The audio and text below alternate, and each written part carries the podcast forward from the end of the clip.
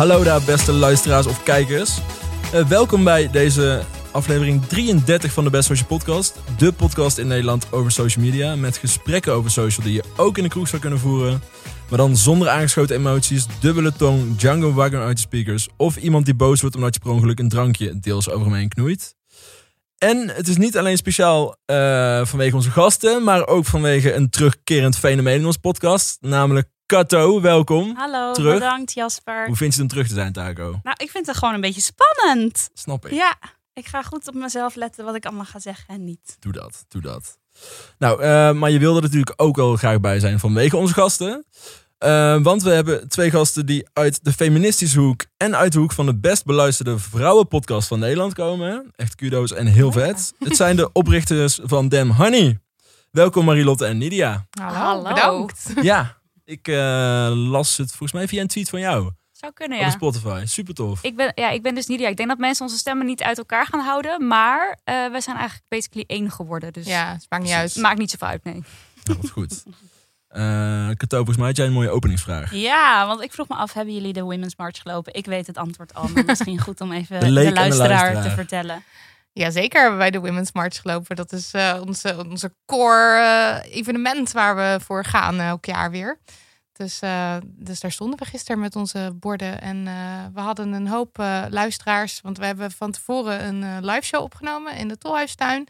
En toen kwamen daar de 200 mensen op af. En eh, met die hele groep zijn we toen eh, naar, de, naar de Dam gegaan. Echt om de, van daaruit Ja. te gaan protesteren. Want jullie doen dat sowieso toch, tenminste dat zag ik, dat als er zoiets plaatsvindt en mensen vinden het een beetje spannend, eh, dat, dat jullie met elkaar verzamelen, verzamelen om te gaan lopen. Ja. Tenminste, Ja, we doen matchmaking. Dus dan eh, vraag ik van, oké, stuur even je e-mailadres en je telefoonnummer. En dan doe ik een groepje van zes, zeven mensen. Die gooi ik dan bij elkaar. En dan moeten ze het zelf verder uitzoeken. Ik ga ze Ja? nog niet aan de hand meenemen. Ja, Maar, ja. En we hadden voor dit evenement hadden we een stuk, van, een stuk of tien van dat soort groepen gemaakt. Dus die hebben allemaal van tevoren al kennis gemaakt en eh, ja, gekletst. En Ja. daarna dan kennen ze elkaar al een beetje, is minder eng. Echt leuk. Superleuk, ja. Goed dat jullie dat hoe- doen. Hoe vonden jullie het überhaupt gisteren? Hoe hebben jullie het ervaren? Het is fantastisch. Het is zo overweldigend. En al die energie van die mensen. En eh, alle borden met alle teksten. Waardoor je weer ziet van, oh ja, die, dat is een probleem waar we voor strijden. Dat is een probleem waar we voor strijden. Ehm, ja, het Mensen is mooi om die gelijkgestemden naast je te voelen. Ja. Mensen zijn ook zo creatief met die borden. Dat Ja. is echt Ja, heerlijk wat is het leukste die jullie hebben gezien? Oh ja, er Ja, was er eentje. Daar zag je Cherry B op zijn piano liggen. Dat beeld kennen jullie denk ik wel. vleugel, En ja. er stond boven, de vloer is feminisme. Heel nice. Ja. Die is wel goed. Hilarisch, ja. Ik zag ook eentje, tenminste, ik heb het eh, online vanuit alle stories gevolgd. Ik zag er ook één voorbij komen met eh, die quote van Adriaan van Dis. Of nee, zeg maar, het gesprek tussen Lise Korpershoek Ja. en Adriaan van Dis. Er stond er iets van op dat bord zo, dat vind je lastig, Dat hè? vind je Ja. lastig, hè? Precies wat Lise... Twee keer was die er zelfs. Dit, eh, die heeft indruk gemaakt. Ja, ja, mensen. Ja. Ja. dat is het meest recente voorbeeld misschien ook wel. Ja, leuk. Ja, en plus, ehm, weet je wat het probleem is met vrouwen in Nederland? Ze- worden niet goed betaald in plaats van geneukt. Die heb ik ook een Oh ja, die zag ik ook Oh, langskomen. Ja. Ja, tof. Ehm, voordat we daarover eh, verder gaan praten, laten we altijd even eh, wat reacties horen van luisteraars.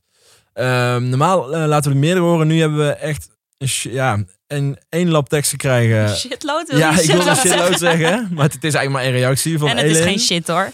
Nee, het is verre van shit. Hij is ook echt eh, veel te leuk om niet eh, voor te lezen. Alleen eh, pak ik er een paar fragmenten uit, want het, is echt oprecht heel lang en dan wordt het een heel erg monoloog. Anyway, Elin zegt, in de laatste podcast met Lise ging het erover dat steeds meer dingen worden gedeeld op social media, waardoor taboes bespreekbaar worden. Vond ik een hele grappige observering. Ik heb letterlijk laatst nog naar een Instagrammer gedM'd dat ik het fijn vond dat ze zo open was, dat ik het daardoor ook makkelijker vind om te vertellen dat ik ergens mee zit, in plaats van dat je hiervoor gaat zitten schamen. Het eigenlijk gewoon stom is en niet zou hoeven. Ja, vind ik wel sterk, want wat Lise gewoon heel erg ehm, zei, is dat je gewoon dan- dankzij social media tegenwoordig ook gewoon representatie hebt van eh, Ja. eh, natuurlijk heel veel dingen en eh, hoe waardevol dat is. Nou, en ook dat kwetsbaar, denk ik. Wat ik zei tegen Lisa, naar aanleiding van de docu, zei ik zo van, wat dapper dat je het gemaakt hebt. En toen zei ze, ja, maar hoezo is kwetsbaarheid eigenlijk dapper? En toen dacht ik ook, Ja, oh ja. dat vindt zij heel irritant inderdaad. Dat, Ja. dat, dat, dat blijkbaar dan de publieke opinie is dat je ja, jezelf kwetsbaar, kwetsbaar opstellen heel moedig en dapper is. Ja, In plaats van eh, ja, iets normaals of iets wat we zouden aan moeten moedigen. ja. Ja, ehm, dan zegt ze vervolgens: Metagesprekken podcast zijn mijn favoriete genre. Leuk om eens een stapje achteruit te zetten en stil te staan bij ons online doen en laten. Ehm, ik luister ook geregeld naar de podcast over media en ik zie gelijkenissen. Eh, Jasper en Diederik hebben als duo namelijk echt bijna dezelfde dynamiek als Ernst-Jan Fout en eh, Alexander Klupping. De een kan zich over sommige dingen heel erg druk maken. Dat gaat denk ik over, over Diederik. en de andere vindt het super belangrijk om het format te bewaken. Eh, ik hoop niet dat ik jullie hiermee beledig, alleen maar positief bedoeld. Ga zo door zou ik zeggen. Nou, dat vind ik ook heel leuk om te horen. En ze zegt, ze eindigt met, het lijkt me heel tof eh, als jullie eh Titia Hogendoorn en Julia Koopman uitnodigen voor een volgende podcast. Zijn ook geen onbekenden voor jullie volgens mij? Nee, dat is, dat fantastisch wat Ja. zij net gedaan Ja. hebben met hun awardshow. Ja, precies dat. Ja. nodig ze uit. Ja, ze zegt inderdaad ook, eh, ze is heel benieuwd wat wij vonden van hun awardshow. Nou, wat vonden wij ervan? Ja, hilarisch. Zo fantastisch. Ja, voor de, voor de luisteraar die dat dus gemist heeft. Zij hebben dus een awardshow zelf opgezet en allerlei categorieën bedacht. En vervolgens de prijzen aan zichzelf uitgereikt. Ja. En nu kan je dan dus op je cv zetten. Ik heb de gouden pionier voor de beste podcast. Ja. de beste, weet ik veel wat allemaal. Ja, hilarisch. Maar ik vraag me juist af, wat vinden jullie als eh, Best Social die zelf ook echt, echt een, een awardshow organiseert? Ja, want volgens mij refereerden ze er ook al eh, Ja, meer dan het één was keer na, hoor. volgens mij inderdaad gebaseerd op eh, onze awardshow. Ja, ik vind het heel grappig. Ben ik echt gebaseerd op die van ons of gewoon überhaupt op Nederland en awardshows? Ja, op het concept. Maar ik denk wel dat wij natuurlijk een awardshow hebben waar social media gevierd wordt. En dat dat ook de link is hierna binnen die verschillende categorieën. Ja. ja. Ehm, Nou, ik vind oprecht een, eh, de... Want ze, ze brengen het bijna met zelfspot en heel veel humor. Maar eigenlijk heeft het gewoon een hele goede kritische ondertoon van... Oké, er worden awards uitgereikt, maar welke autoriteit zit erachter? En eh, ik vind het wel goed hoe ze het op die manier inderdaad wel in twijfel trekken van... Oké, leuk dat je iets uitreikt, maar wie ben jij en waarom jij? ja. Omdat heel veel mensen niet, denk ik niet heel dieper graven dan eh, ja, de oppervlakte van awardshows. Ik, Ja. vind, ik vond het ook heel leuk om te zien wel, oprecht. Het zou vet zijn als jullie dan nu met de Best Social een award uitreiken voor de beste awardshow aan de, beste Gouden zonne Pionier. op social media. nou ja, als die er is, komen ze Please zeker in do dat. ja, touché. Ehm, ja, en Arjen Lubach lijkt daar ook interessant, Elin, eh, waarom ze met Zonder met Lubach, ondanks dat ze qua input en output veel te danken hebben aan social media, toch besloten om van Facebook te gaan. Nou, thanks Elin. Ehm, terug naar onze gasten, want wat ik ook wel interessant vind om jullie te vragen. ehm, stel jullie zitten op een kringverjaardag en mensen vragen wie ben je, wat doen jullie, hoe stellen jullie jezelf dan voor? Eh, ik zeg tegenwoordig, ik ben fulltime feminist. Oké. Eh, als je dat bijvoorbeeld tegen een random taxichauffeur zegt, dan gelooft hij je niet. Of dan gelooft hij in ieder geval niet eh, dat je er geld mee verdient. Uh-huh. Maar inmiddels zeggen we, wij zijn Nidia Marilotte van feministisch platform Demoney. We hebben een platform en daarmee stellen we allerlei ongelijkwaardigheden aan de, ka- aan de kaak. En we schrijven boeken en we, en we hebben een podcast. En we hebben een Instagram-account dat lekker loopt. Dus via Ja. allerlei verschillende kanalen in contact met eh, Ja. luisteraars. Dus ja, fulltime feminist. Ja, oftewel, ehm, dat doen jullie eh, ja, de, de hele week door. En ook niks meer daarnaast, toch? Of geen andere baan. Want ik begreep dat iemand van jullie wel heel lang, of jullie eigenlijk beide jullie werken opgezegd, toch? Ja, ik ik, was al freelancer. Ja. dus ik heb het er nog een tijdje naast ge- gedaan. Maar ik heb nu mijn laatste opdracht afgerond. En ik zeg nu ook nee tegen andere dingen. Want het kan er niet meer bij. Het Nee. is te druk. Tof. Ja, en voor mij, ja, ik had heel lang eh, een vaste baan. En ik deed daarnaast wel altijd ook al freelance klussen. Dus ik werkte vier dagen in de week op een kantoor en daarnaast eh, schrijven. En nu eh, daar helemaal mee gestopt en helemaal damn honey. Ja. En dat is dus eh, podcasten, maar het is bijvoorbeeld ook workshops geven of spreken. Want mensen denken altijd van, hè, maar hoe werkt dat dan? Mhm. Nou ja, zo. Gewoon de Een boodschap. vaste, spread the vaste message. column in de Glamour hebben we ook. Of een, eh, of een rubriek van eh, drie pagina's. Dus, eh, Ja, tof. Want- En is dat iets wat op jullie af is gekomen? Of hebben jullie zelf aangeklopt van, eh, hey, moeten wij geen columns voor jullie gaan schrijven? Nee, zijn we voor gevraagd. Oké. We worden nu dus, dat is heel leuk. We worden door allerlei merken, bedrijven gevraagd. Ehm, nou ja, gaat alle kanten op. Ja, het Van, is leuk kunnen we dat iets eh, samen doen? Ja, het is Ja. leuk dat we er. We hebben er anderhalf jaar heel hard voor moeten werken. En ook veel eh gratis voor Vrijwillig, moeten werken. ja. Ja, Ja. het is allemaal vrijwillig. Maar inmiddels eh, staan we redelijk op de radar bij veel bedrijven. En, eh, en, en krijgen we mailtjes van willen jullie met ons samenwerken. En dat kan echt van, eh, van heel uiteenlopend zijn Ja. merken. Ja. Ja, wat cool. Ja, fijn. Ik vroeg me af, hoe zijn jullie begonnen? Haha! Haha, dat is een leuk verhaal. Leuke Ja, want origin ik hoorde net al even Ja. dat jullie eh, huisgenoten waren, hospiteren. Maar Ja. in de woonkamer is het daar gaan broeien. Hoe is het En neem vooral alles mee. Ook gewoon waar de naam Damn Honey vandaan komt, zeg maar. Ja, Oh, ja. nou, dat is Oh, ook leuk, een leuk ja. verhaal. Oké, nou, ik kwam thuis van mijn werk en Marilotte die stond, we hadden geen woonkamer, alleen een keukentje. En Marilotte stond daar soort woest te schreeuwen van, heb je dit gezien? En ze duwde een foto op de telefoon eh, onder mijn neus van een, eh, een boek van een lifestyle vlogger met super seksistische uitspraken.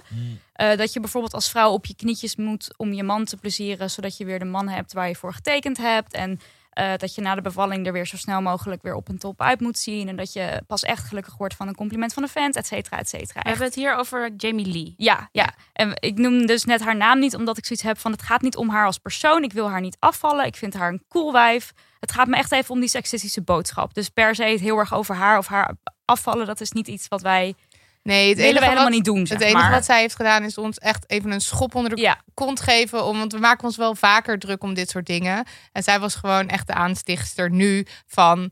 eh, we gaan wat doen, want er, we zijn het gewoon zat. Ja. Dus, eh, en, en zij heeft ons eigenlijk tot actie bewogen. Dus in die zin Love zijn we heel Jamie dankbaar. Ja, ja. ja. nou, toen, toen hadden wij zoiets van... oké, dit boek is een bestseller. Dat ligt nu overal in elke boekhandel. Eh, vooral jonge meiden, die zijn daar wellicht wat kwetsbaar... eh, of wat gevoelig voor. Om dat heel erg te gaan internaliseren, al die denkbeelden. Dat je probleemzones hebt en dat moet verbergen en zo. Dus die meiden die zouden ook een tegengeluid moeten kunnen uitkiezen. Prima als ze Jamie Lee willen lezen, maar weet je, er zou iets anders moeten liggen. Ja, en toen eh, hebben we, ehm, nou, we kennen, we kennen wel wat mensen in de uitgeverijwereld, want ik werk daar. Dus we, toen hebben we wat uitgevers benaderd. En die vonden het op zich wel leuk, maar die hadden wel zoiets van, ja, maar kijk, luister. Nu is er reuring rondom dit onderwerp. We moeten dan wel meevaren eh, op, op, op, eh, op, op die opwinding. Dus eh, ja, dan moeten jullie ook zorgen dat je jezelf even in de kijker speelt. En daarna moet je heel snel schrijven. ja. Dus toen hebben we als eerste bedacht dat we een dag gingen leven volgens de regels van het boek van Jamie Lee. En dat was dan het boek Sexy Betaald met Sexy. En er stonden allemaal dingen in die zij dan. Nou, de regels waar zij zich aan, eh, aan houdt. Zoals eh, wat, eh, als je je armen, als je lange mouwen had, dan. Mag je wel blote benen, Ja, maar je mag niet blote benen en blote armen. En bijvoorbeeld veel nude kleuren qua lipstift en nagellak en zo. Geen rode nagellak, dat was geloof ik niet oké. ja, shapewear. Welke aantrekken. kleuren mag je wel? Ja, shapewear inderdaad. Ja. En masker, neem altijd tijd voor een maskertje als het Ja. even kan. Het was dood. Het was echt de meest vermoeiende dag uit mijn leven. We zijn toen ook om, om zes uur opgestaan. eh, om ons helemaal in, in, in maquillage. Toen al tired ook. Toen al tired. Ja, toen al tired. Dus dat was al. Ja. Dat was ook een van mijn updates. Van goed nieuws, ben wel, wel al tired. klopt. En, eh, dus dat was, eh, en, en toen zijn we ook vergeten te ontbijten. Nou, dat kwam eigenlijk wel goed uit, want dan blijf je lekker slank. en eh, toen, nou, daar hebben we de hele dag hebben we zo eh, eh, eh, vastgelegd. En eh, daar kregen we lekker veel reacties op. Eh, Ik Ja. stuurde ook naar mijn vriend, dat is ook een tip. Van je moet dus eh, naar, je, naar je partner sturen dat je complimentjes krijgt van anderen. Want dan wordt hij een beetje jaloers en dat is dan positief. En mijn vriend die was in het buitenland, die wist niet dat ik dit aan het doen was. Dus ik stuur, nou, eh, ik word de hele tijd nagefloten door allemaal mannen. Was ook zo, want ik had dus ook heel korte kleren en zo aan. En eh, wat overigens geen reden is om dat te doen, is hartstikke vervelend. Maar dat terzijde. Eh en hij stuurt terug, god, wat vervelend voor je. jaloers. Helemaal niet in die, in die hij ging helemaal niet erin mee. Hij snapte er niks van. Ik stuurde Nude waar ik heel erg opgemaakt was. En hij had echt zoiets van, what the fuck, Wat wie doe ben jij? Dat ben je helemaal niet. Dus dat was heel grappig. Maar toen werd het dus door de best social media opgepikt. Ja. En Ja. dat is eigenlijk de reden geweest waarom onze uitgever zei van, nou, Doe maar. let's go. wat dus jullie hebben een vet grote rol in Damn Honey gespeeld. Heel tof. Dat is Yes. een hele grappige fun fact. Maar inderdaad, Ja. dat is ook precies toen jullie eigenlijk op onze radar kwamen met... eh, Oké, de- deze meid... Ja, er was natuurlijk heel veel commotie. Jullie gingen nadoen. Toen hebben we ook letterlijk alle video's eh, ehm, opgevraagd. Die heb ik volgens mij op een vrijdag nog eh, allemaal in een blog verwerkt. Wat best wel intensief was. En vrijdag zat best wel een drukke dag. Maar het artikel deed het supergoed. En eh, ja, precies. Dus toen is het voor jullie een beetje vorm gaan krijgen. En toen dachten we van oké, ja. Nou, toen Nou, een was het, ja, toen dus was het let's go. We- Ja. Want jullie mo- we mogen dat tegengeluid schrijven. Alleen het moest wel heel snel. Want we moesten eigenlijk nog diezelfde maand moest het nog uitgebracht worden. ja. Dus toen hebben we een, eh, een week lang eh, eh, geschreven. Het is ook het, ons eerste boek, Damn Honey, is een pamflet. Het is gewoon een heel dun boekie. Als je het woord pamflet gebruikt, dan denken de meeste mensen aan een Flyer. A4'tje. Ja. Ja. dus we moeten de hele tijd uitleggen. Wat wat, wat pamflet is. Luther nog op de kerk Ja. En daarin hebben we, we, we hebben in, in één week Op al adrenaline onze, en op- whisky. ja, dat zeggen we altijd, dat klopt. Eh, hebben we eh, eh, al onze frustraties en ervaringen en alles waar we tegenaan lopen als ja, eigenlijk als vrouwen in deze wereld eh, opgeschreven. Alles waar we echt helemaal Ja. klaar mee zijn en moe van zijn en zo. Eh, en, Hebben jullie eh, ook, eh, sorry, hebben jullie ook re- reactie van Jamie Lee zelf gekregen? Nee. Nee. We hebben het wel naar haar niet. opgestuurd. Ja. En ik denk, zij werd zo overladen met ook echt wel haat. Echt Mhm. wel op een hele nare manier. Echt Ja. heel ook seksistisch trouwens, weer Ja. trouwens, waar we dus ook tegen strijden. Dus ik begrijp het ergens ook wel hoor. Dat zij dacht van, oh, dan krijg ik dit er ook nog eens overheen. Ja. Ja, want dat Dus is de enige kanttekening waarvan ik ook dacht van... alles wat zij in het boek schreef, was ik het zo niet mee eens. Dus ik was eigenlijk ook Marilotte roerend in de pan in de keuken... helemaal gefrustreerd daarover. Maar ik vind het altijd zo interessant als je dan ook kijkt naar... wij zijn vrouwen, eh, vrouwen eh, deze vrouw heeft dan een boek geschreven... wat ook best wel tof is dat ze dat doet. Die wordt uitgegeven en ik vind feminisme ook best wel staan... voor achter vrouwen staan en elkaar supporten. Maar in hoeverre, als je het niet eens bent met die uitspraken... ja, Nou- waar, ligt, waar is die balans? Nou ja, ik dacht hier, eh, het gaat hier om een boek wat in de publieke ruimte wordt uitgegeven. En eh, het wordt ook nog eens heel erg goed verkocht. Dus je moet wel daar eh, kritiek op kunnen leveren. En je moet daar een tegengeluid op kunnen schrijven. Het is niet zo dat omdat zij een vrouw is, dat je dan opeens geen kritiek meer mag leveren. Dus de eh, negatieve, seksistische aanval die zij over zich heen kreeg, daar zijn wij totaal niet mee eens. Mhm. Maar we willen wel gewoon kritisch zijn op haar en op haar, nou ja, nou ja eigenlijk vooral op haar boodschap. En je Ja. kan haar ook niet echt kwalijk nemen dat, dat zij zo'n boek naar buiten brengt. Want zij leeft ook gewoon in een wereld waar je geïnternaliseerd hebt hoe je eruit moet zien Ja. als vrouw en hoe je je moet gedragen als vrouw. Dus eh, het is niet zo gek dat iemand zo'n boek uitgeeft. Dat, dat, dat, is, dat is totaal logisch. Maar het tegengeluid, ja, ja. daar gaat het om. Ik Ja. vond het ook heel storend als mensen dan, als ik het verhaal vertelde, en dat mensen dan haar gingen opzoeken en dan haar dus gingen aanvallen op hoe ze eruit zag. Dus bijvoorbeeld, nou, wat een Barbiepop of zo, weet ik veel, dat soort. Dat is echt zo niet waar ons boek over gaat. Nee. En wij schrijven ook in Damn Honey van, als jij heel graag shapewear draagt, Doe, Doe dat toch alsjeblieft, weet je? Als jij dat lekker vindt, als jij op on, onloopbare schoenen graag loopt met hoge hakken. Ik hou er zelf ook echt heel erg van. Doet super veel pijn. Ja, waarom niet, weet je? Doe waar je zelf zin in hebt. Dat is echt onze kernboodschap. Maar en en als dat kan alle kanten op. En Jamie Lee had zin in nude lipstick en shapewear. En ik doe even advocaat van de Mm, ja, duivel. ja. Eh, maar het ging meer om het feit dat het in een boek kwam en door jonge meiden gelezen werd. En zij hadden niks anders om zich ook mee Nou, te identificeren. Het gaat maar. ook erg om de manier waarop ze dingen opschrijft. Dus alsof het een gegeven is dat een lichaam probleemzones heeft. Ja. Specifiek een vrouwenlichaam. Eh, en dat je die moet verbergen. Dus dat daar geen enkele soort van eh, ja, observatie van haar zit. Van dat is ook maar iets wat we bedacht hebben. En er zijn heel veel verschillende mooie lichamen. En ja, het ging een beetje op de wat, wat dwingende toon waar, waarop het opgeschreven was. Met heel af en toe een zinnetje van. Doe waar je Doe waar je zelf zin in hebt. Maar de boodschap was, is toch wel But erg no. dwingend. Ja, ja. ja. En dat vonden wij jammer. En het was bovendien heel leuk en, en sarcastisch opgeschreven. Het is gewoon ook wel een, een eh, manier van schrijven waar ik zelf ook heel erg voor zou vallen. En dat Ja. vond ik een beetje gevaarlijk. Ja. ook Dat je er makkelijk Oh, in ja. trapt. Ja, ja, ja, Ja. Maar op zich zat dat natuurlijk in jullie hele oppakken van... eh, we gaan een dag leven als... was ook best wel sarcastisch al met al, toch? Tuurlijk, ja. wel, ja, zeker. Ja. Vanuit waar deden jullie dat eigenlijk? Was dat toen al een platform van... Dat, dat Onze toen was het eigen- pamflet er nog was niet. Het was eigen, onze eigen Instagram Instagram-account. account. ja, Oh, ja. we hebben het ook in de hoogtepunten staan van onze eigen... Want dat vragen mensen wel eens. Waarom staat dat niet in jullie hoogtepunten? Ja. Maar toen hadden we We Dem bestonden Money nog niet. Nee. Ja. Nee. En de naam Demony, dat vroeg jij net, eh, Ja. Jasper. Die heeft mijn vriend bedacht. Dat is grappig, want wij zaten heel erg diep in Queer Eye. Dat is een van onze favoriete samenkijkseries. Ja. En eh, Jonathan Van Ness, die zegt af en toe Damn Honey. Ik denk in het eerste seizoen nog dat dat toen was. En toen hadden we het over de naam en we kwamen er niet helemaal uit. En toen zei hij van, kan je het niet Damn Honey noemen? En toen hadden wij iets zo van, ja, dat is precies wat het is. Want het is Damn Honey zo van, shit, wat, wat, wat kut allemaal nog. Maar het is ook empowering zo van, go, go for it. Ja. Damn Honey. En honey is ook nog best wel neutraal natuurlijk qua woord. Dat kan je tegen iedereen zeggen. Dus dat is... eh, En de, naam oorsprong daarvan, dat is toch uit de zwarte community, als ik het Specifiek? Damn Honey? Ja, Dat is denk ik eerder Yes Queen, waar je dan nu naar refereert. ik dacht ook Damn Honey, maar... Zou kunnen, dan Want weet onze, want onze eerste ingeving was Jas Queen. Ja, Ehm, Daar- maar daar was, 100% was uit de- dat, was, dat komt uit de, uit de zwarte queer commu- community in Amerika, geloof ik. En toen hebben we ook even wat navraag gedaan in hoeverre dat dan cultural appropriation is. Dat het eigenlijk, als je niet helemaal weet waar zo'n uitspraak vandaan komt en de betekenis er niet achter kent, moet je er dan zomaar mee aan de haal gaan. En dat wilden we gewoon niet. Want Ja. we willen zo'n inclusieve, neutraal mogelijke eh, titel wilden Mhm. we. Dus toen zijn we voor Dem Honey gegaan. Maar volgens, voor zover ik weet is Dem Honey ja. neutraal. Oh ja.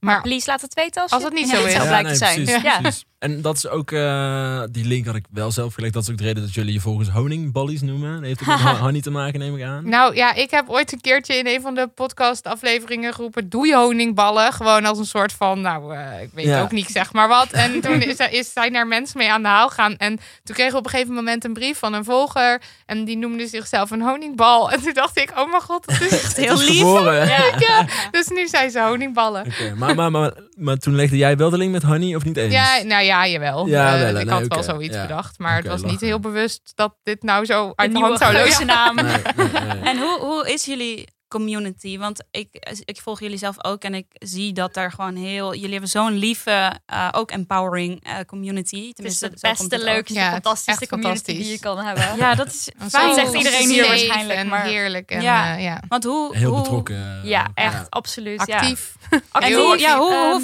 zeg maar, hoe, waar, waar bieden jullie die platformen? Hebben jullie ook een pot, eh, zoals wij ook hebben voor de Best Social? Of, of, of een WhatsApp groep? Of Nee, we, we hebben dus eh, qua verschillende platformen die we hebben dus boeken, podcast, eh, glamour column eh, en Instagram profiel. Mhm. En we hebben persoonlijk zelf Twitter, maar niet vanuit Damn Honey. Dus dat, zou- dat telt niet echt heel erg mee. En Instagram is echt de plek waar je merkt dat mensen eh, reacties insturen, heel veel vragen sturen eh, via DM of eh, onder posts, reageren op stories. Dus daar leeft het heel erg. Maar zo'n pot of wat de nerds om tafel dan hebben met hun Slack, dat, Ja. ik ben daar nog wel heel Ik erg over serieus- nadenken. Ik weet niet eens van, wat het is. Ehm, Nou, hoe Nou, kan je een plek vinden waar je kan Ik- kletsen zo met zat elkaar? ik te Ja. denken toen ik jullie community zag. Jullie hebben natuurlijk zo'n betrokken community, maar inderdaad op verschillende plekken. En wij hebben zelf een pot voor on- onze podcast. En daar hebben we, ja, gooien, gooien mensen zichzelf in, om het maar even zo te zeggen. Dus misschien is dat nog een leuk idee een soort. WhatsApp. eh, Het is echt in de meest simpele zin van het woord. Het is gewoon een groepschat. Met Ja. je community, met je luisteraars. Ja. Eh, om inderdaad ja, ook iets dieper eh, in te kunnen gaan eh, op de stof. Of eh, tips te geven voor gasten. Of gewoon hoe ze de aflevering vonden.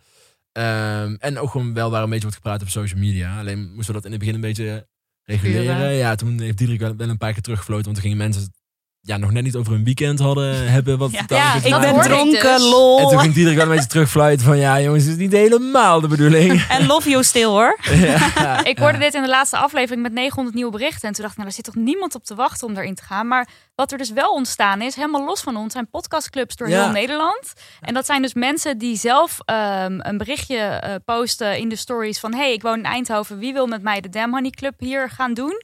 En dan gaan er allemaal handjes omhoog. En die mensen komen dus samen op ongeveer 10 plekken of zo. Ja, zoiets. En daar gaan ze dus om de twee weken de podcast bespreken. Ze gaan het hebben over welke boeken je nog kan Nee, luisteren, ja. lezen. Ja. Het Oh mijn god, wat geweldig. Dat is leuk. heel En, en, En zij hebben helemaal natuurlijk- zelf. Ja, en zij hebben onderling natuurlijk ook weer zo hun WhatsApp-groepen en Facebook-groepen en weet ik veel wat allemaal. Ja. En dat vind ik heel cool. Want da- dat is echt goed, vind ik. Want ik heb jullie boek gelezen en daarin zag ik ook bijvoorbeeld dingen waarin ik dacht: oh ja, dat is voor mij is het zo'n privilege om in de stad te zijn opgegroeid en eh, al wat meer met feminisme te maken hebben gehad. Maar dan las ik bijvoorbeeld een hoofdstuk van jou, volgens mij, van Marilotte, dat jij met fe- feminist sokken naar een kringverjaardag was Ja. geweest en dat je echt aangekeken werd van, nou, is maar een fase hoor, lieverd, weet je. Zo. En toen dacht ik, wow, dit is voor mij zo niet herkenbaar. En toen dacht ik, maar jullie community en jullie zelf dus blijkbaar ook komen daar vandaan. Zie je dat, ja, misschien is dit dan een voorbeeld van dat dat ook buiten de Randstad en juist in, in kleinere dorpen misschien waar, waar niet veel feministen te vinden zijn, ze elkaar dan opzoeken of Ja, zo. ik hoop het. Eh, Ja. Ik we- weet wel dat veel van onze luisteraars eh, zitten wel in de Randstad. Maar ik heb het idee dat de bubbel steeds groter wordt. Ja, de clubs zitten wel echt overal. Dus Ja, echt van Groningen zitten door het heel, eh, heel het land In. Amsterdam Ja. heb je er meerdere, geloof ik. Het is, Ja. het is heel, Heel heel, tof. tof. Ja. Ja. En om het eh, format maar even te bewaken. eh, bij jullie heeft natuurlijk social media een hele grote rol gespeeld in eh, eh, hoe fijn het allemaal eh, uit de hand aan het lopen is met jullie. Eh, welke rol speelt social media überhaupt in het huidige feminisme? Heel groot. Ja, je ziet natuurlijk MeToo-movement is een heel belangrijk onderdeel van de vierde feministische golf, waar we dan Ja. nu in zitten. Wat natuurlijk eh, ooit eh, lang geleden begonnen is op, hoe heet het ook alweer, dat, pla- dat platform? Eh, MySpace. niet- Ja, MySpace, MySpace, nog. Daar ja. is dus de term? MeToo voor het allereerst genoemd door Tarana Burke. Hebben we het echt over 2000. Begin tweede, ja, 2001 of Ja, zoiets. of zo. Lang geleden. begin, ja. Toen heeft zij het Ja. al een keer genoemd. Eh, zij vertelde een verhaal dat zij als eh, jeugdbegeleider op een kamp was. Dat een meisje naar haar toe kwam met een verhaal over, ik geloof, eh, aanranding. En Ja. dat zij achteraf dacht, ik had die twee woorden moeten zeggen. Ik had me too moeten zeggen. Dat heeft ze niet gedaan. Misschien uit schaamte, misschien uit ongemak. Ja, ik weet niet precies waarom. Ehm, en toen later is die term dus eigenlijk opnieuw weer helemaal eh, opgekomen. Alleen Tarana Burke wordt heel vaak vergeten in dit verhaal. Het is een vrouw van kleur en dat merk je vaker. Dat dus bewegingen eigenlijk ge- gejat worden door witte mensen. Eh, dus ik vind het ook belangrijk dat we haar dan nu ook weer even noemen. Maar vervolgens is het op Twitter is het toen weer ehm, opnieuw eigenlijk helemaal opgepakt. Ja, toen is het aangezwengeld door eh Alyssa Milano, die, dat, eh, die die hashtag online heeft gegooid. Dus zij heeft, het, eh, ja, zij heeft dat weer eh, aangezwengeld. En eh, zo is het gaan leven. Ja. Want toen werd het we- wereldwijd opgepakt. Ehm, Ja, het is gewoon een heel fijne manier om je, om je verhalen te delen en om in contact te komen met mensen die misschien op jou lijken. Dus nou, wat, wat Lisa ook vertelde over die representatie, of wat Martijn vorige keer vertelde, van ja, waar blijven nou eigenlijk alle mensen met een beperking? Die zie ik nou nooit. Ja. Via social media kan je je eigen kanalen kiezen die je volgt. Dus je kan zelf kijken welke mensen je om je heen verzamelt. En dat is eh, denk ik rondom feminisme ook, ook fijn om te kunnen doen. Ja, ja. Want als je de mainstream media bekijkt, zie je nog steeds grotendeels witte mannen als experts aan tafel. Is zo. En toen wij dus Dem Honey de podcast gingen oprichten, toen hadden we ook van, we moeten dit zelf gaan doen, want onze verhalen worden nog steeds niet genoeg verteld. En toevallig hebben we net geleerd dat Wilhelmina Drucker en Dora Haver in de eerste feministische golf, dus heb je het over, 100, over 1900, een tweewekelijks tijdschrift gingen starten, omdat die verhalen niet voldoende in de mainstream media werden verteld. Dus het- nog steeds zijn we daar gewoon Ja. nog niet. We hebben het niet over ongesteld zijn of zoals Lisa over seks. Het is allemaal maar oeh, spannend, ha, hi, hi. Gewoon serieus een gesprek daarover hebben, dat zie je nog heel weinig. En dat doen wij dus wel in onze Ja. podcast. Ja, en ik denk dat je ook via social media, als je trekt naar, als je wat teweeg wil brengen, dat social media daar ook, als je kijkt naar Stem op een Vrouw bijvoorbeeld, dat dat ook allemaal een social campagne heeft gehad. En uiteindelijk is social media daarin de basis om Ja. mensen te bereiken. Dus je kan uiteindelijk vanuit social media ook dingen teweeg brengen. Of verzamelen juist, of eh, hoe heet dat ook weer? Catcalls, Uh, Ja, Amsterdam. En die, Ja. dat is ook een wereldwijde movement. Hè? Die Ja. zit Ja. ook overal. Dus daarin denk ik dat social media ook heel erg... Ja. eh, En om in jullie eh termen te blijven spreken, wat is het meest vervelende waar je als vrouw eh, mee krijgt te dealen op social media? Oh, op social media. Ja, heel maar- veel haat en seksisme. Ja. Maar dat Eh, is denk ik net een beetje de vraag als in bijvoorbeeld eh, met een krant of zo. Ja, maar, Van- nee, maar omdat jullie platform natuurlijk eh, ook heel erg eh, ademt eh, alle dingen waar je als vrouw tegenwoordig, of alle shit waar je als vrouw tegenwoordig mee moet dealen, Mhm, toch? ja. En ja, ik ben gewoon benieuwd in dat doorvertalen op social media. maar heb je het dan over waar wij zelf tegenaan lopen? Nou, Want- misschien eerst in een bredere zin van het woord, qua vrouwen. Maar je denk- ziet bijvoorbeeld als Sylvana Simons ergens op tv is, dan komt ze toch een shitload aan racistische, seksistische drek over haar heen, wat gewoon niet normaal meer is.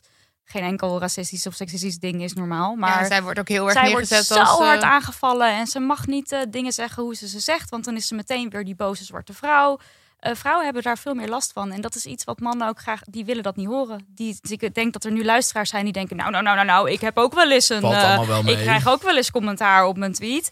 Bij vrouwen is dat meer en daar zijn ook onderzoeken naar gedaan dat vrouwen veel meer shit online ook over zich Ja. heen krijgen. Ja, maar dat is gewoon de wereld natuurlijk. Zeg maar, ook als je kijkt naar... Ik denk dat social media gewoon een platform is, net als met een krant. Dus dat bedoel ik met krant vergelijken. Dat als je kijkt naar wat voor shit krijgen vrouwen online op social media... Ja, gewoon net als in de wereld. Ja. Maar het Nee, is wel makkelijker. daarom. Ja, ik wou net zeggen, dus er is wel er zit- Er een scherm tussen, dus, je, Ja. dus het wordt gewoon online gegooid. Het is wel echt het meest eh venijnige eh, eh, stukje van de mens wat daar naar buiten komt. Ja. hoor. En Ja. als Als je, in love, eigenlijk gewoon. wat? Ook, ook gewoon als in love, eigenlijk. Toch? Ja, precies. Ja. Want Ja. het is ook niet zo dat je er een gezicht bij hebt. Je kan niet echt reageren. Ja, je kan een, eh, je kan een discussie aangaan, maar dat voelt ook altijd Ja. echt als... Ja. En je merkt ook als er een vrouw ergens aan tafel zit, bijvoorbeeld bij de Wereld Uit Door of zo, dat het heel snel ook weer over uiterlijk gaat. Van, oh, die heeft een oude kop, die is lelijk, die heeft rimpels, die is te dik, die is te dun. Het is, het is niet een neutraal persoon die daar zit, maar het is in eerste instantie een vrouw. Terwijl als een man er zit, is het een mens. En daar moet, moet nog steeds verandering in komen. Ja. Ja. En ehm, krijgen jullie zelf, kijk, eh, jullie groeien natuurlijk heel hard, maar is het alleen maar gezellig in jullie DM's of krijgen jullie ook wel eh het is over haat het of teringlijst of weet ik algemeen... het allemaal? over het algemeen echt wel gezellig in onze DM's. We hebben wel, ehm, we hebben wel kritische luisteraars, wat we ook heel erg fijn vinden. Want eh, we, we kunnen dan een, eh, iets, een opmerking gemaakt hebben waar mensen niet mee eens zijn. Of bijvoorbeeld niet inclusief genoeg zijn geweest. eh, en dan eh, krijgen we daar wel uitgebreide berichten over. En dat is goed, want dat houdt ons scherp. En soms zijn we het ermee soms niet. En eh, ik, ja, ik ben daar heel erg blij mee. Maar over het algemeen eh, eh, zijn de reacties dat eh, mensen zich herkennen in, eh, in verhalen van ons of van onze gasten. En, eh, en, en dat ze zich daardoor bijvoorbeeld minder alleen door voelen. Want Ja. het is natuurlijk ook wat, eh, ja, dat, dat, dat, je, dat je praat over onderwerpen waar, over, waar niet over gepraat wordt. En dat je opeens denkt, hé, hey, ik ben helemaal niet eh, raar over. Ik, ben, ik, ik maak dit ook mee, maar ik ben he- dus helemaal niet raar. Of ik wijk niet af, want iemand anders heeft het ook. Nee. Dus eh, ja, ik heb wel het idee dat het. eh, Het was wel nu toevallig, dus gisteren was Internationale Vrouwendag en eh, NOS had daar een story over gemaakt en heel veel narigheid kwam daaronder te staan. En dan gingen dus allemaal honingballen zeggen van, nou je moet de post van Dan Money in het boek lezen. Dus gisteren merkte ik wel Ja. en vanochtend ook weer in de DM, dan komen er opeens wel eh, ja, mensen uit krochten eh, even hun mening geven. Ja. Dus bijvoorbeeld iemand die uit het niks dan zegt, en waarom zijn jullie niet meer kritisch op de islam? Dat ik denk, heb je ons werk gelezen, beluisterd? Waar komt dit precies vandaan? Waar, wat bedoel je nou eigenlijk? Wat moet je van me? Wil je gewoon weer je racisme spuien onder het mom van ik ga vrouwen redden? Want daar gaan wij niet aan meedoen. Ja. En dat, dat, dat, dat valt me dan op. Dat als je dus wat groter wordt, dan wordt het steeds minder die safe ja, als je wat meer gefeatured wordt op de mainstream media, Ja. zeg maar. Dan eh, als, als het niet van mond tot mond gaat. Want het is tot nu toe heel erg van mond tot mond gegaan. En mensen hebben ons gevonden, want mensen vinden ons interessant. Mhm. Maar eh, als het op de tv komt of, eh, of, of op een groter eh, platform, dan, dan is het opeens. eh, ja, dan weten, dan weten de, wel. negatieve mensen ook ja, te tuurlijk. Maar weet Ja. je, als je zelf groeit en grote bereik krijgt, dan is het onvermijdelijk dat daar ook, ook het percentage haters, om het zo even te noemen, op je af gaat komen.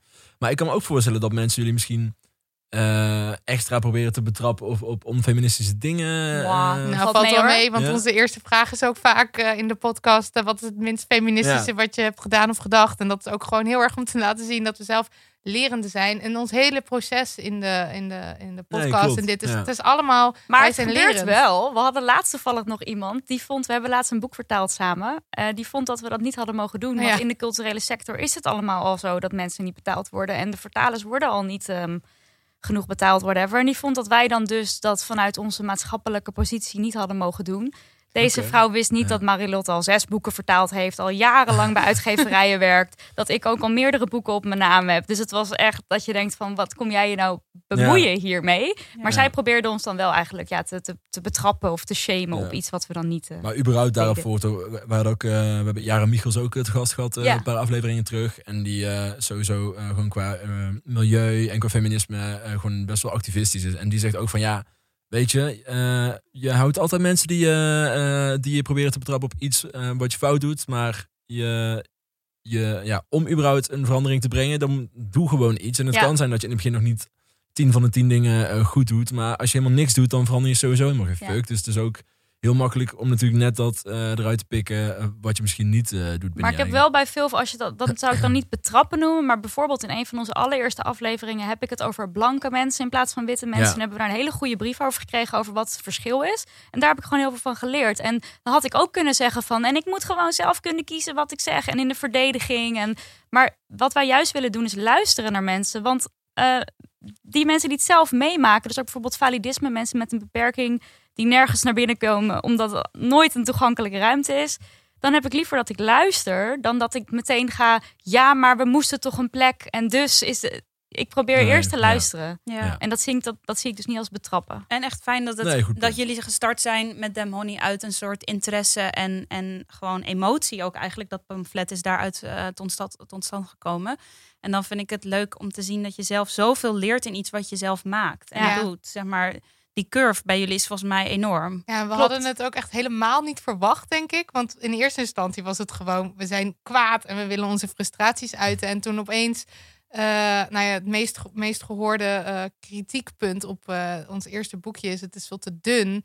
En het is natuurlijk ook vrij beperkt, omdat er alleen onze eigen ervaringen in staan. Dus toen hebben we, zijn we de podcast begonnen om ook andere mensen een podium te geven. Nou, en toen ging er echt een wereld voor ons open. Want Ja. we hebben zoveel geleerd. Ja. Dat had Zoveel ik- termen ook, Ja. zoals uh, Intersectioneel feminisme. Ja. Nooit van gehoord. Maar validisme eh, ook niet, geen idee. Dus eh, ja, opeens ben je je zo bewust van de dingen. En, eh, en, en ja, dat is echt een, echt een groot geschenk wel hoor. Ja. En hoe gaan jullie dat doen? Want dan vraag ik me af, als je kijkt naar die twee eh, boeken. De eerste is dan dat pamflet en de tweede is dikker en inhoudelijker ook. Mhm. Tenminste, vond ik. En eh, wat jullie kracht is in mijn ogen, is het laagdrempelige en het eh, luchtige. Ehm, hoe, hoe, wa- wat is jullie volgende stap, zeg maar? Hou je dat erin als je nu al zoveel weet? Even, Ja. zeg maar, waar Ja, houdt het wel. Ja. Ja, en eh, ik denk dat we soms eh, eventjes eraan herinnerd worden ook weer. Als we zo eh, iets, iets zeggen in de podcast en dan denk ik... Oh, weten, weten, weten mensen dit? Want je kan er niet altijd van uitgaan dat, dat iedereen vanaf het begin met je meegeleerd heeft. Mhm. Dus we proberen het wel zoveel mogelijk weer uit te leggen. Dus, en, en onszelf ook scherp te houden dat we bepaalde termen altijd weer even, even uitleggen aan mensen die misschien niet weten wat het betekent. Want, Ja. want wij wisten het vorig jaar ook nog niet. Nee. ja. Ook wel tof dat je eh, uiteindelijk ook door je eigen community gewoon best wel wat leert. Ja, heel Ja, tof. heel veel. Ja, want juist al die verschillende perspectieven zijn dus heel belangrijk in het feminisme van nu. Dus het gaat al lang niet meer aan witte vrouwen die aan de top zouden moeten komen. Want dat is echt maar zo'n minor, klein ding. Er zijn zoveel dingen. En vooral dus mensen met een beperking en mensen van kleur... die hebben een compleet ander beeld. Eh, die zitten met heel veel andere shit. En die hebben we dus ook in ons tweede boek, in Heb je nou een vriend... hebben we die ook een, een, een platform gegeven... doordat zij zelf hun shit met ons mochten delen. En daar staan wij ook weer te kijken. Dat je Ja, denkt van, denken we jezus, niet eens aan. fucked Nee. up is dit Ja. zeg. Nee, onbewust heb je ook natuurlijk zelf ook wel een paar blinde vlekken. Absoluut. Ja, wij ja, zijn ja, ja. super geprivilegeerd. Ja. Want wij zijn uiteindelijk dus ook weer witte vrouwen, hoog opgeleid. Eh, nou ja, prima jeugd gehad. Dus ja, Ja, dat is wit feminisme natuurlijk, Ja. waar je het dan Ja. over hebt. En ja, en ik denk ook trouwens dat je zoveel vormen hebt van feminisme. Want eh, als je kijkt naar bijvoorbeeld, even om een voorbeeld, dan, daar wil ik ook nog vragen over stellen. Ik, ben, ik zou mezelf ook feminist noemen, maar ik zou bijvoorbeeld niet met tepelkwastjes naar boekenbal gaan. Gewoon omdat Wij ik me daar niet comfortabel bij voel. Jullie wel, hoe was dat? Erg leuk. Ja, dat was het. Apart. Kijk, wij houden heel erg van tepelkwastjes. Die dragen we denk ik al een half jaar of zo naar, naar de Gay Pride. Naar, eh, wat hebben we nog meer? Milkshake, naar ons eigen Milkshake. feest. Ja, naar ons eigen feest. We zijn het al best wel gewend. Dus het is niet eens zo heel spannend meer. En het thema van de Boekenweek is rebellen en dwarsdenkers. Nou, wij werden uitgenodigd. Dachten we, dan gaan we in joggingbroek. Wel in een luxe joggingbroek met glitterstof. Eh, en tepelkwastjes, want dat is dus re- rebel zijn. Plus, ehm, overal zien we beelden waarin vrouwen geseksualiseerd worden. Dus op straat, eh, reclamecampagnes en zo. Maar als vrouwen het zelf doen, is het opeens een probleem. Eh, en Instagram bijvoorbeeld, daar mag je ook alweer niet je titel laten zien. Nee, Dus er bent- zijn, er zijn allerlei restricties. Wel bloot, maar niet te bloot. Wel zo, maar niet aandacht strekken. Ugh. Dus wij dachten, we doen het gewoon. Ja, en dan heb je bij mij ook nog mijn, mijn, mijn tetten zijn zeg maar niet echt missen. Als je tepelkwastjes eh, opdoet. En dan eh, is het ook nog wel een beetje... want Ze zijn niet echt beschaafd. Ze zou, je zou ze niet beschaafd noemen. Dus ze passen ook niet helemaal in het beeld van... Oké, als je dan met tepelkwastjes gaat, dan moet het allemaal maar wel dun en, en, en, en niet te aanwezig zijn. Dus ik doorbreek daarmee ook maar gewoon eh, gelijk eh, het Ja. schoonheidsideaal. Maar ja, mensen dachten dus dat wij van de entertainment waren. Mensen vroegen, wat is hier de bedoeling? Oh, dat heb ik ook wel eens gehad op een shootdag. Dat het was, nou, visagie? Echt zo, nee, regisseur? Hallo. Ja. In het parool eh, stond dat er twee meisjes binnenkwamen met tepelkwastjes. Nou, wij zijn dus vrouwen van boven de 30 die twee boeken hebben geschreven en een goedlopende podcast maken. I don't know. Misschien had je je even in kunnen lezen voordat je ik meisjes zo Ja, erg was echt Ook als hoor. je kijkt naar mannen, even. eh, als zij dan, want ik heb dat gelezen en toen viel ik ook over dat woord. Omdat je kijkt, als je, als je twee mannen zegt die vragen: hey, is de bar open? Zou het überhaupt niet erin komen te staan? Nee. Maar ook jongens, zeg maar jongetjes. Dat zou Nee. dat toch nooit? Nou, ik vind dat echt Het was. Dit was echt twee meisjes, twee giechelende meisjes van het vermaak komen binnen en vragen waar de bar is. Nou, het feestje kan beginnen. Het was echt heel denigrerend. Ja, en mensen geloofden ook niet dat wij boeken hebben geschreven. nee, want ik heb echt een best wel. Maar het is er niet zo dat jullie jezelf hebben hoeven te verdedigen op die avond. Ja, zeker wel. Want er kwam een man op me af, eh, echt, echt bulderlachend van, nou, jij hebt zeker ook een boek geschreven. Toen zei ik, ja, nee, kan je lachen, is wel zo. En toen was het, En nou, ja. En, eh, en, en, en hij luisterde niet eens meer. Het was echt een soort van, nou dat kan niet, want dit, dit- dit- deze meid is bloot en eh, dan kan je blijkbaar geen boek schrijven of zo. Dus ik vond het best wel, dat was ook wel echt een vervelende, vervelende interactie, Ja. vond ik. Want het was gewoon echt even pijnlijk duidelijk eh, eh, hoe de wereld in elkaar Ja. steekt. En, en de reacties die ik dan ook krijg van sommige vrienden is, ja, maar zo is de literaire wereld Ik wilde net gewoon. zeggen, je zit ook wel op zo'n event in de, in de leeuwenkooi. Of hoe noem je dat? Zeg maar. Ja, en nou ja, dat kan wel zo zijn, maar ik kan Ja. wel, ik, ik denk dan wel, oké, je kan dan zeggen, zo zit de literaire wereld in elkaar of zo. Eh, prima, dat is dan blijkbaar hoe het nu is, maar ik, heb, ik ben geen sinds van plan om daar genoegen mee te nemen. Nee, absoluut Nee. niet. Er was een vrouw die kwam ook tegen ons zeggen dat we ons niet boos mochten maken op mannen die aan ons zaten die avond. Want Ja, die generatie die had dat zo geleerd. Dat was een hele rare discussie ook. Dat hij is zei van, mag ik niet kiezen wanneer ik boos word? Mag ik niet kiezen dat ik niet aangeraakt wil worden? Terwijl door- kijk is prima. hè. Wij snappen heus wel dat het nogal opvallend is. Tuurlijk, kijk lekker. Haha, hi, prima. Echt helemaal prima. Want maar anders had ik dat niet zo- aangedaan. Het is ook niet zo alsof jullie niet begrijpen dat als, jullie, als je met tapekwastjes gaat komen, dat er dan mensen naar je gaan kijken. En Maar dat dit, je, is, ja, maar dit is echt fine. verkapt zeggen van kort rokje, dus verkracht Nee, maar worden. daarom. Het Weet voelt, je, ja, als het lokt het zelf uit of zo, je vraagt erom. Maar het verbaasde me wel hoe opvallende verschijning wij waren. Echt. Ik Ja. had niet verwacht dat het zo'n ding voor de mensen zou zijn. Nee, want je hebt natuurlijk ook wel een movement binnen de ja, literaire wereld, vind ik nu. Met ook Tatjana die een boek heeft geschreven. Eh, ja, ik zag het publiek dat erheen ging, vond ik ook nog wel breed. Maar dan Maar de was- mensen in de zaal waren wel dat, zeg maar. Ja, het was een, een duidelijke tweedeling, vond ik wel, tussen de jongere generatie, die allemaal best wel heel cool reageerde en het allemaal tof vond en zo. En dan dus de oudere generatie die zich, eh, ja, die, die niet wist wat, die, wat ze overkwam. Ja, interessant ook wel. Echt die clash zo in Ja, de stad dat Schouwburg. was, Was, eh, ja. het toch? Ja. Ik wilde ook net vragen van, heb je dan ook het idee dat de, eh, de, de irritante reacties vooral uit mannelijke hoek kwamen? Of was het dus meer een generatieding, eh aangezien een vrouw jullie er ook op wees?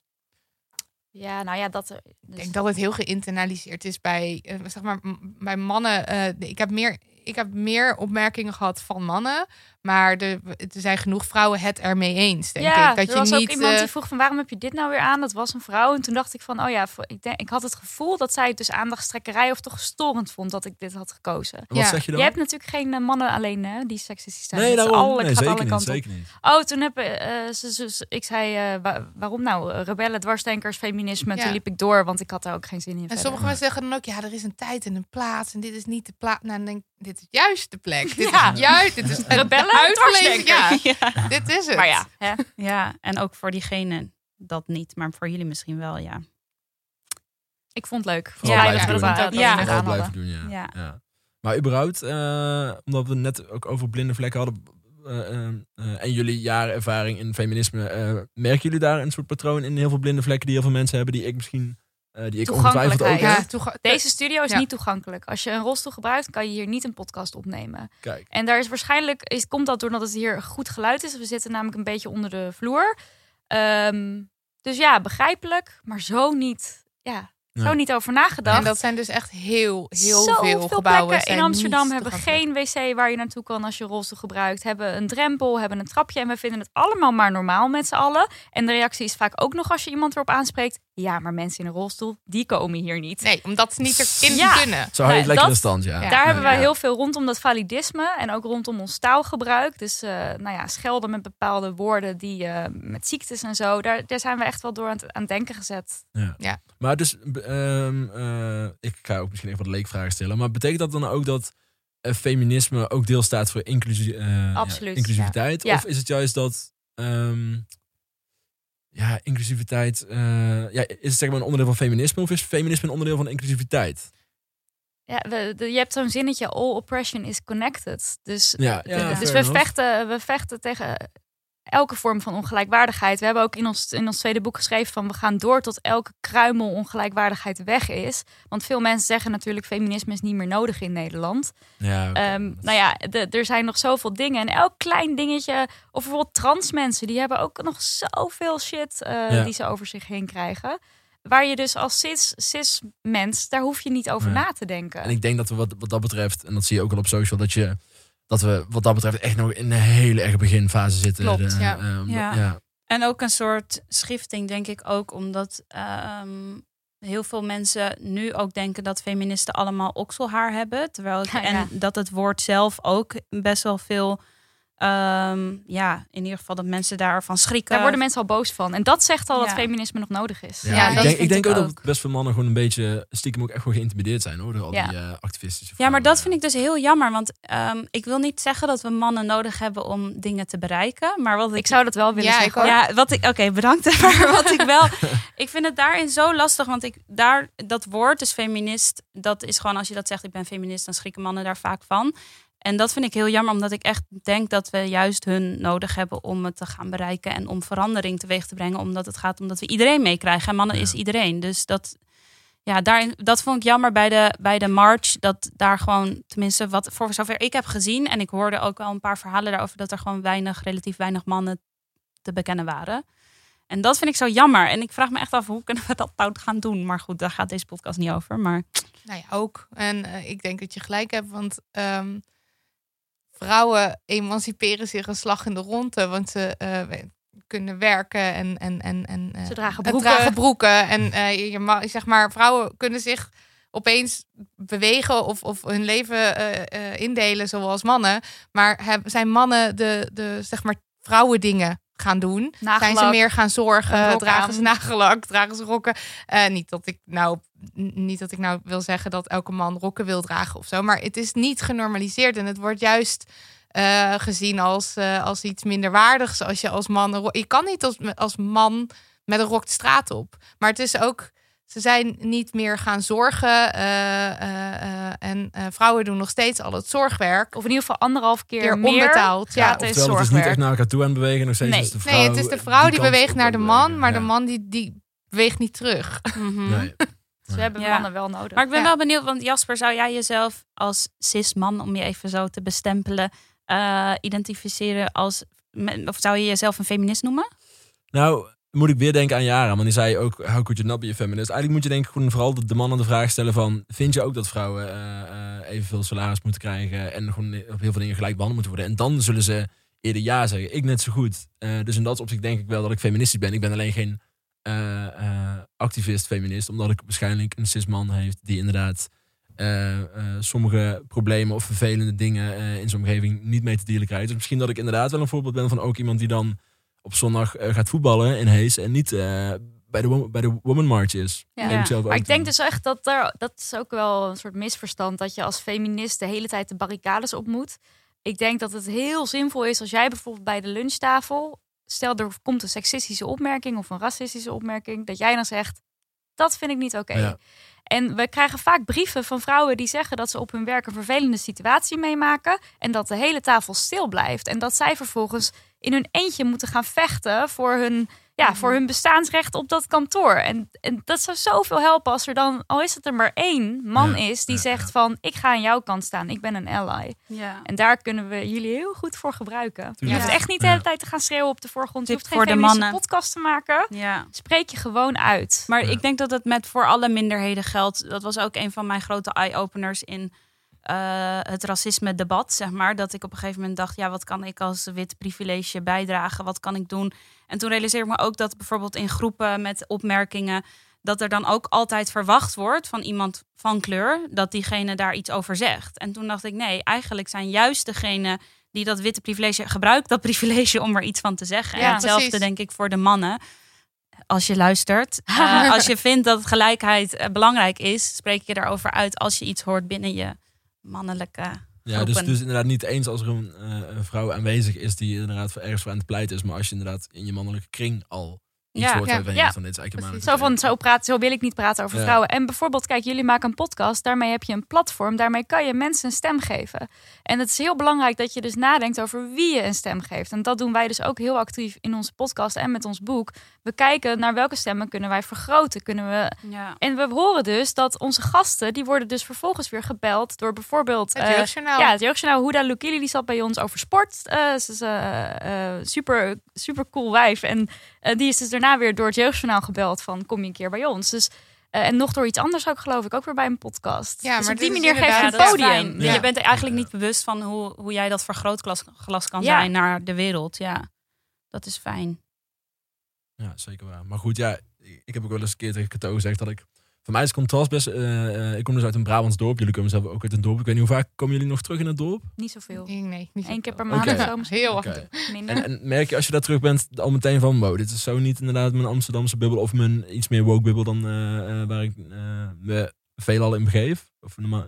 Eerlijk gezegd eh, ben ik gewoon dan thuis en dan ga ik weer terug naar Amsterdam. Dus het is niet zo dat ik me echt in dat dorp Oké. nou, je merkt wel op een verjaardag of zo dat er misschien net wat anders over dingen nagedacht wordt. Ja, maar dat heb Maar ik- ja. bijvoorbeeld, laatst maakte mijn eigen zus een racistische opmerking. En toen zei ik er wat van. En toen, nou ja, dan heb ik er wat van gezegd. Ja, ja, En ik wil niet zeggen dat ik, nu haar, dat ik haar nu veranderd heb of zo. Maar ik denk dat zij zich er niet bewust van was wat ze nou precies zei. En ik hoop dat ze dat meeneemt. Ja, nee, ik vind, ik vind het daarom ook juist... ik, ik werk ook al eh, drie jaar bij de Best Social meer. En ik vind het juist ook zo verfrissend inderdaad... dat ik in deze bubbel ben beland. En ik vind het ook altijd zo'n contrast... met de voetbalkantine, eh, voetbalkantine waar ik zondag zit, zeg maar. En ik ben daar echt niet eh, aan het preachen in tijden van de Zwarte Pieterskusje. Maar ik ben wel daardoor met een teamgenoot wat vaker erover in gesprek gegaan. Dat is dan ook wel echt een goede vriend van me. Maar in tijden van de Zwarte Pieterskusje dat ik wel dacht van... Ja, oké, maar eh, laten we dit eens echt even bes- bespreken. En als puntje bij paaltje komt, dan in sommige groepsapps worden allemaal van die platte kutgrappen doorgestuurd. Maar om dan, eh, dat zal ik dus niet doen aan de tafel met eh, het hele voetbalteam of zo. Maar, maar wel dat ik hem er even bij nam van, oké, nou vertel eens hoe jij erover denkt en waarom jij A, B of C denkt dan. Ja. Ja. En dat heb ik dus wel degelijk inderdaad eh, een beetje ontwikkeld. Nou ik ook gewoon veel meer in Amsterdam eh, eh, zit en werk. Eh, en daar ben ik me ook best wel dankbaar voor, voor die inzichten en eh, in een andere bubbel terechtkomen. Maar hopelijk vergroot het zich dan ook als jij je Ja. daar uitspreekt. Ja. En je zet daar iemand aan het denken. eh, en die zegt misschien ook weer eens een keer wat. En dan, dan wordt het groter. Ja, en je hoeft ook niet boos te worden. Je Nee. kan gewoon zeggen, hey, ik vind deze meme, dat vind ik niet oké. Nee, Punt, is zo, klaar. is en zo. dan heb jij gewoon je ding gezegd. En als alle anderen zeggen, nou, haha, ik vind het hilarisch. Dan nou laat je ja, het daarbij. ze weten in ieder geval dat jij het niet oké vindt. En misschien dat iemand anders het ook niet oké vond. En nu ook maar een beetje zo meedoet in de... Het zwijgende midden is misschien wel de gevaarlijkste groep. Ja, dat vind ik ook. Ik denk dat je eh, je dan echt bewust moet zijn van hoe zwaar jouw stem weegt binnen zo'n groep. En dat is zo belangrijk, want hoe meer jij je erover uitspreekt, jij staat heel dichtbij jouw voetbalgenoten. En zodra zij van andere mensen horen die verder van hun eigen wereld afstaan, van ja, de Zwarte Piet is niet oké, dan zullen ze dat ook sneller zien als ja, nou ja, ze, ze, ze zijn niet soortgelijk, zeg maar, als Nee. ik. En als je, zodra jij dat zegt, dan nemen ze jouw mening veel serieuzer. En dat is zo belangrijk. En ik kan me heel goed voorstellen dat het dan is van ja, geen zin in, ben heel, eh, ben daar te moe voor. Nou, weet je hoe belangrijk het is om dat wel te doen. Ja. Want- Ja. Ja, want je stem is gewoon veel zwaar, weegt veel zwaarder dan je denkt. ja, en ze nemen dingen sneller van jou aan dan van anderen. Dus Is zo, is zo. Ja, Ja, zie ik het als een kans. Echt niet dat mijn voetbalteam bestaat uit eh 20 racisten. Nee, Absoluut nee. niet. Als jullie niet. luisteren. Ja. Maar je merkt wel dat gewoon seksistische grappen best wel genormaliseerd. Dat we het allemaal Ja. oké vinden en ja. allemaal maar mee Ja. moeten lachen. En veel vrouwen lachen ook mee, want wat wou je dan doen? Anders ben je weer die boze feminist die aan de lunchtafel En dit is altijd dan- de sfeer verpest. Ja, en dat is dan weer waarom het eigenlijk fijner is als bijvoorbeeld een man zijn bek opentrekt. Want Tuurlijk, dan ja. is het. Eh, dan ben jij wat minder de hysterische vrouw die zich weer eens druk maakt over een seksistische grap. En is iemand anders staat gewoon achter je. Ja, Ja. ja. ja. dat Want überhaupt ik op dat vlak, aan mensen die zich uitspreken, wie eh, op social media, eh, vinden jullie daarin heel inspirerend? Ik vind Devika Partiman, de oprichter van Stem van Vrouw, zij, op Twitter is zij altijd heel raak. En Clarice Gargard ook. Dat zijn En- toch wel twee Ja. mensen, op twee stemmen op Twitter waar ik heel veel ja, weer van leer. Ja, en, eh, en Annika Mel, die eh, wil ik ook eventjes noemen. Want eh, zij eh, is iemand die eh, eh, een rolstoel gebruikt en ook veel, eh, hoe noem je dat, huisgebonden? Ja, ze is chronisch ziek. Ze is chronisch ziek en ze, en ze kan vaak haar huis niet uit. Maar zij eh, ehm, ehm, op Instagram eh, post zij daar ook veel over. En zij leert ons daar heel veel over. Dus dat is, eh het vergroot je wereldbeeld. Goeie Ja. volgtip. En wat is haar handle? Eh, ja, het dat? is Annika Mel, maar dan met alleen maar de... ehm, niet de De- de klinkers, klink- de de medeklinkers. Niet de Ik klinkers. vind dat ook al. N, N, K, M, L. L.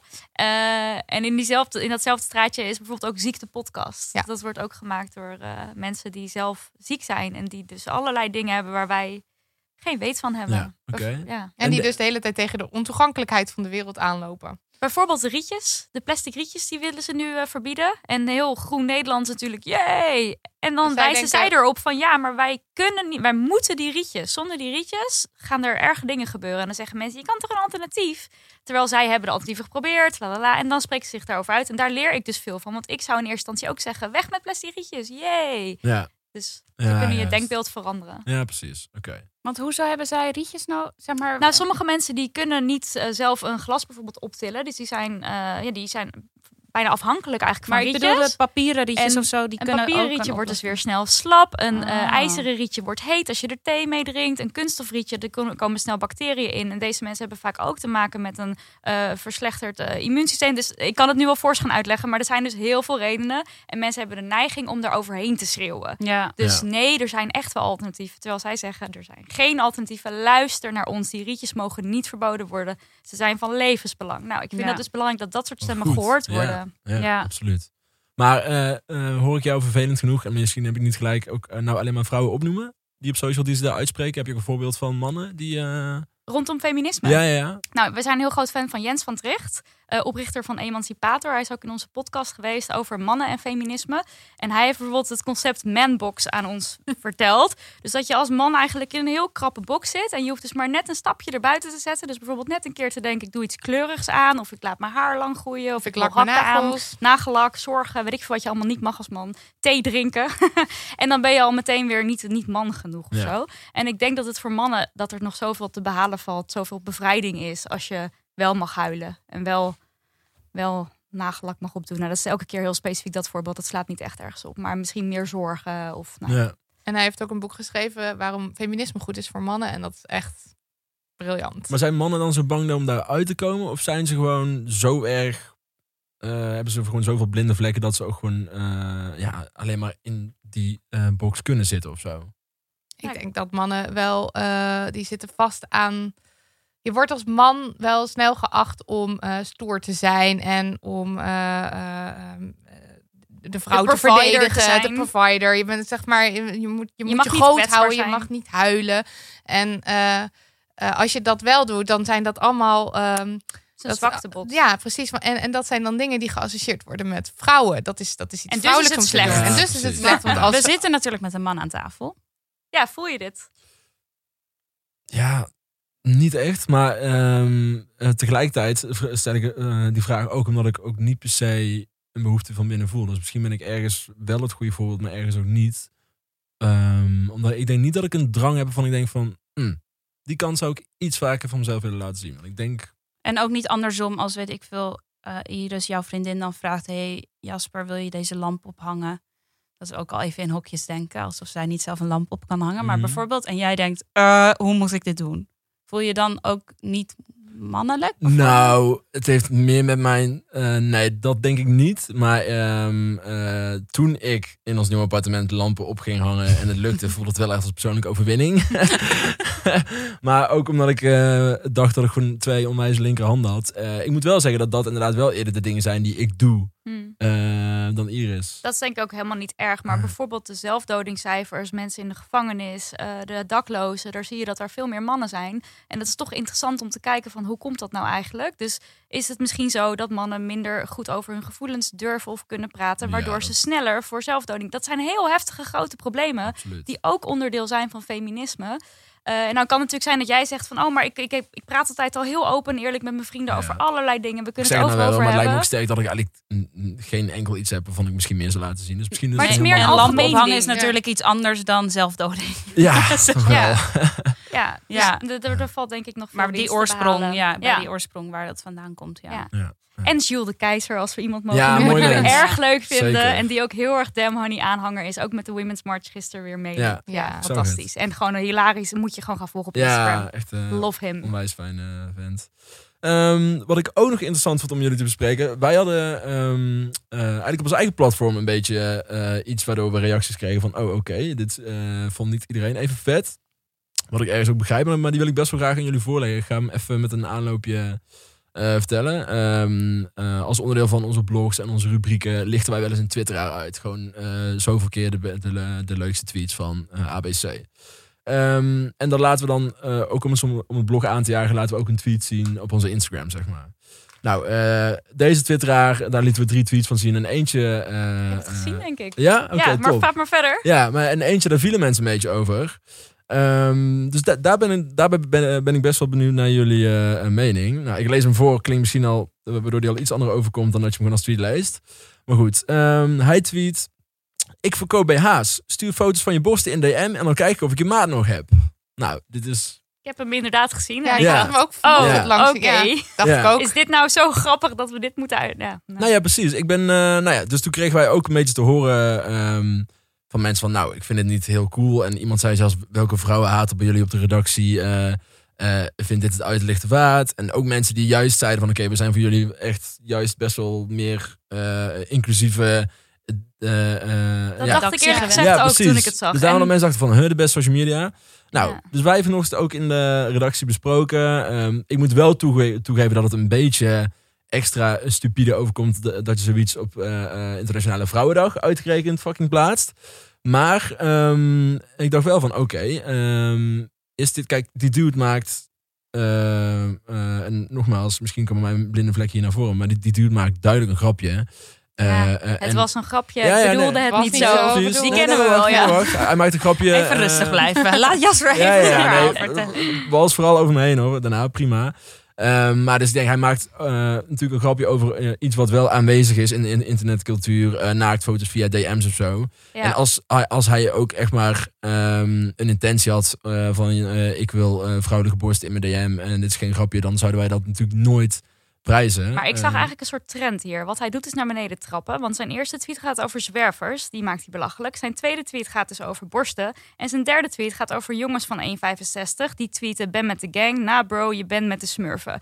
Oftewel naar beneden trappen. Naar mensen die sowieso eigenlijk al... Waar al, ehm, Ja, die al minder belachelijk zijn. worden gemaakt. ja, die al of belachelijk ja. worden gemaakt. Want als jongen, dat is ook een mooi voorbeeld van eh, wat je als man dus niet mag zijn. Klein. Want als je klein bent, dan ben je al eh, ja, niet mannelijk genoeg Nou, of daar zo. ga ik. Nou ja, dus ik vind dit dus jammer, omdat het drie keer naar beneden trappen is. En het is gewoon niet zo nodig. En ik denk dan dus wel van, hey, best social, wat we net ook, waar we het net ook over hadden, je hebt dat platform tot je beschikking. Waarom dan specifiek deze guy uitlichten? Ja. Ja. Gewoon, ik vind het gewoon jammer. Het is niet dat ik gelijk heel boos ben of zo, maar Nee, en ik denk ook humor moet kunnen en vormen van humor moeten kunnen. Maar om dan een minderheid te gebruiken om je humor te, uit te laten lichten. Ja. Maar ik denk trouwens ook dat zijn achternaam niet meewerkt. Nee, klopt. Wat is klopt. een achternaam? Oh, Baudet had hij niet Ja, eens gezien hoor. Mila Maar ik Baudet. weet niet of het familie is. Maar eh, even, even los van inderdaad, eh, die minderheid, natuurlijk is dat eh, laag. Maar gewoon even die tweet. eh, ehm, die van ik verkoop BH's. Die van de foto. borsten. Ja, ik ben Ja. ook gewoon even benieuwd. Want natuurlijk is het ook een hele interessante discussie van inderdaad, waar ligt die grens? Oh ja, die... Ik, Maar het is ja. toch gewoon saai? Ze- dat deze ik grappen vooral. worden gewoon al jaren en jaren gemaakt. Nou, vrouwen hebben borsten, hi, ha, Terwijl als je die skill hebt, hè, dus als jij nou aan de hand van de foto de perfecte BH-maat hebt, dan, ja, dan gaan wij je overal. Noemen. Want het is Ja. echt moeilijk om een goede BH te vinden. Ik stuur me je borsten, stuur mijn borsten wel hoor, want Ja. dat is echt de hel. Dus ja, nee, ik vond het gewoon saai. Oké, en ehm naast zij, eh, snap je de mensen die het aanstootgevend of eh, eh, iets anders vinden? Ik, s- mm, nou, Vooral de aan- mensen die denken, come on, step it up, best zo. Of- ja, nee, die oké, snap ik. ja, oké, snap dat. ik, Ja. maar als je er echt, eh, echt aanstootgevend... Ik vind het zelf niet aanstootgevend. Ik klik hem gewoon weg. Maar Ja. je moet het in een context zien van altijd dat seksualiseren. Altijd maar weer die dat, gewoon doodvermoeiend. seksisme. Dat is het ook, ja. Ja. Ja. En dat is dan weer gewoon zo nog zo'n druppel in die emmer. En dan, ja, dan is het de beste Stuur je een boos Daar ver- berichtje. daar verwacht je meer Ja. van. En Ja. dan, ja. Nou ja, fair enough, fair enough. Maar is, wil je zeggen dat is, is seksisme dan iets waar geen grappen online of offline over gemaakt mogen worden of kunnen worden?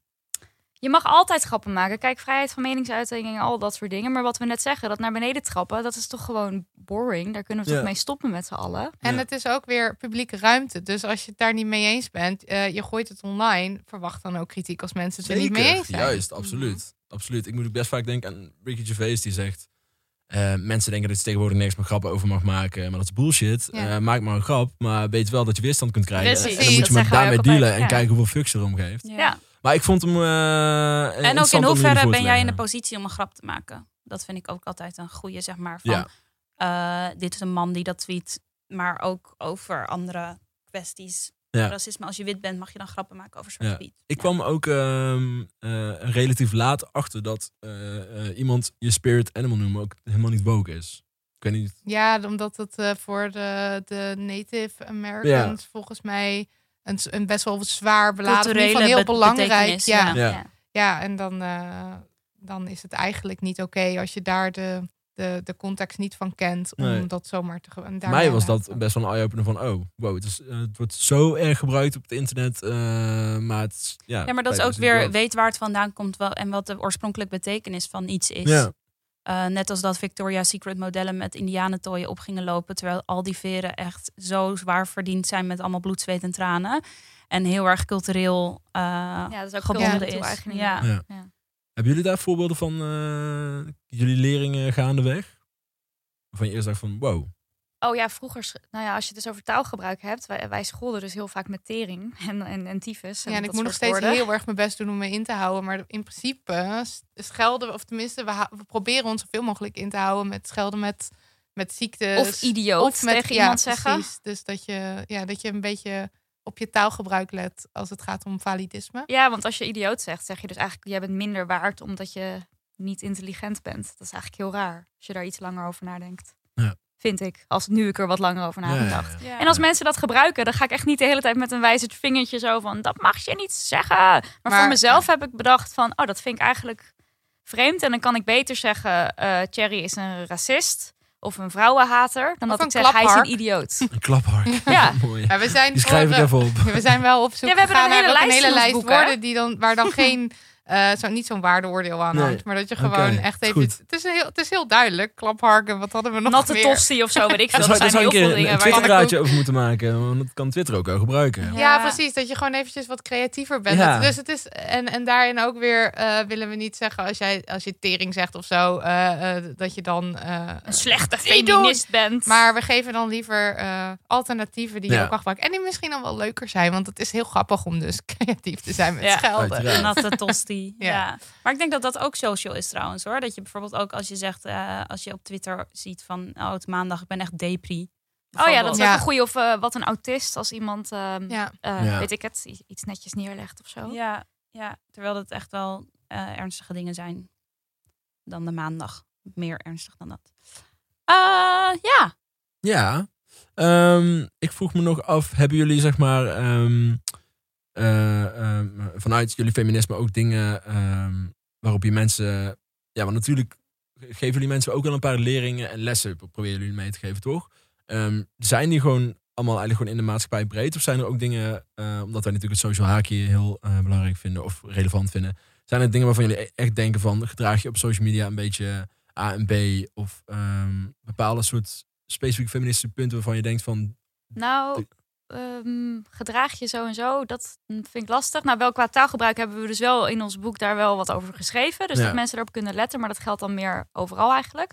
Maar wat we wel altijd zeggen is van, wees je ervan bewust dat je impact kan maken. Dus dat mensen zich uitspreken als jullie zo'n tweet plaatsen, dat, Ja. dat zouden wij alleen maar aanmoedigen. Ja. Van laat van je horen. Ja. Want het is ook heel makkelijk om eventjes een mailtje te typen. Dus doe dat dan ook Ja, alsjeblieft. maar daarom, eh, wij nemen zulke DM's ook oprecht hartstikke serieus. Want eh, wat jij zegt, het houdt ons scherp. eh, dat is precies eh, wat ze doen. En daarom moet je eigenlijk... Kijk, een betrokken community is hartstikke leuk als ze al je content helemaal de shit vinden. Maar ook als ze dat totaal niet vinden, dan is het, zijn ze minstens net zo waardevol. Ja. Ja. Dus, En dan kan je wel eh, even denken, misschien heel eventjes wegklikken en er even over nadenken. Ja, En dan ja, daarna ja, ja. dan toch denken. En eh, het, het delen van verhalen, dat, daar zijn wij ook heel erg van. Dus eh, ja, deel de, ge- de dingen waar jij mee zit, waar je tegenaan loopt. En daar is social media zo'n makkelijk, makkelijk platform voor. Dus ehm, nou, we hebben best wel vaak vrouwen die dan ehm, bijvoorbeeld in de trein iets vervelends meemaken. Dan daar een story over maken. En ik vind dat dus heel goed dat ze dat doen. Want daarmee laten ze zien van dit gebeurt. Ja. En ik denk dat heel veel mensen zich daar niet, niet bewust van zijn dat het gebeurt. Ehm, ja, je laat, je laat anderen zien van je bent niet alleen, je bent niet de enige die dat meemaakt. en je bent een mens. Je bent een mens. Ja. Ja, maar dat Ook vind ik ook. boodschap. Nee, maar soms vind ik dat zo belangrijk en dat we dat niet moeten vergeten. Ik bedoel, dat perfecte plaatje Instagram. En dat het dan fijn is om te merken dat iemand, weet ik veel, anxiety over bepaalde dingen heeft of zo. En dat, dat maakt het allemaal iets nat- natuurlijker en menselijker op social media ook. Dus ja, dat, dat, perfecte plaatje, precies. Dat perfecte plaatje is ook we- saai inmiddels. Dus Ja. het is leuker als je... En niet real, zeg maar. Het Ja, is wat niet we daar ook altijd over zeggen, is dat als je meer voor jezelf, bijvoorbeeld over eh, hoe je naar je lichaam kijkt, als je dat, dat moeilijk vindt om je lichaam nou ja, neutraal te bekijken, dan kan je heel actief natuurlijk gaan kijken van wie volg ik, welke plaatjes krijg ik de hele dag binnen. Ja, Ja. En dan kan je daar misschien wat strenger op zijn. Negatieve ja, emoties zo- die mensen dan maar Ja. even ontvolgen. Je bent daar- heel bewust van de bubbel die, je- waarin je dan ook begeeft, ja. Maar inderdaad, doe het jezelf ook niet aan om de hele tijd alleen maar die picture perfect plaatjes te zien. Wij zijn zelf best wel actief bezig met eh, allemaal verschillende mensen volgen. Waardoor ons hele, hele idee van wat een mooi mens is ook helemaal is veranderd. We Ja. hebben niet meer dat, Dat gaat heel snel. Ja, dat gaat heel snel. Want het is. eh, ja, we zijn zo gewend om, om, om nu mensen. Allerlei soorten mensen in allerlei kleuren en vormen. En dat is echt best wel fantastisch. Als Ja. je opeens denkt: wow, dit is mijn, dit is mijn normale wereldbeeld. Ja, vooral je kan dat zelf, je kan dat zelf veroorzaken en je creëert zelf wat je ziet. Dat is bij social media ook altijd dat mensen, of, of ook überhaupt het omgaan met social media. Dat mensen zeggen, ja, het is zo toxic hoe mensen met social media omgaan en zo gevaarlijk. Terwijl ik denk, ja, Er Je bent, zelf, bij. je bent zelf de knop, zeg maar, Ja, die het ja. aanzet of niet. ervan. En Ja. hetzelfde met je algoritme en je timeline. Maar Je, je moet het bepaalt wel zelf even hoe het eruit hoor. ziet. Dat het, eh, want ik, ik had het ook niet. Dat je, soms heb je het gevoel dat je iemand niet kan ontvolgen. Maar dat kan gewoon wel. Je kan Ja. echt Ja. op die ontvolgknop drukken en gewoon denken, ik doe het niet meer. Ja, Ja, en ook even los van de beelden helpt het mij dus ook heel erg om verschillende soorten mensen eh, te volgen. Om gewoon verschillende verhalen en ja, problematiek ook binnen te krijgen. Dus ik volg bijvoorbeeld ook best wel veel sekswerkers op Twitter die mij gewoon weer laten zien ja, wat er allemaal gebeurt. En dat is dan weer een wereld waar ik ja, vrijwel geen eh, binding mee heb. Ik ken niet iemand die sekswerk doet. Dus dat is ook een goede manier om die verhalen te horen. überhaupt. Dus ja, ik heb ooit gehoord, volgens mij, wat was het ook weer? Iets van de, de window theory. Ik weet niet of ik hem perfect ga vertellen, maar volgens mij was het iets zoiets van dat er mensen zijn die in huizen leven zonder ramen.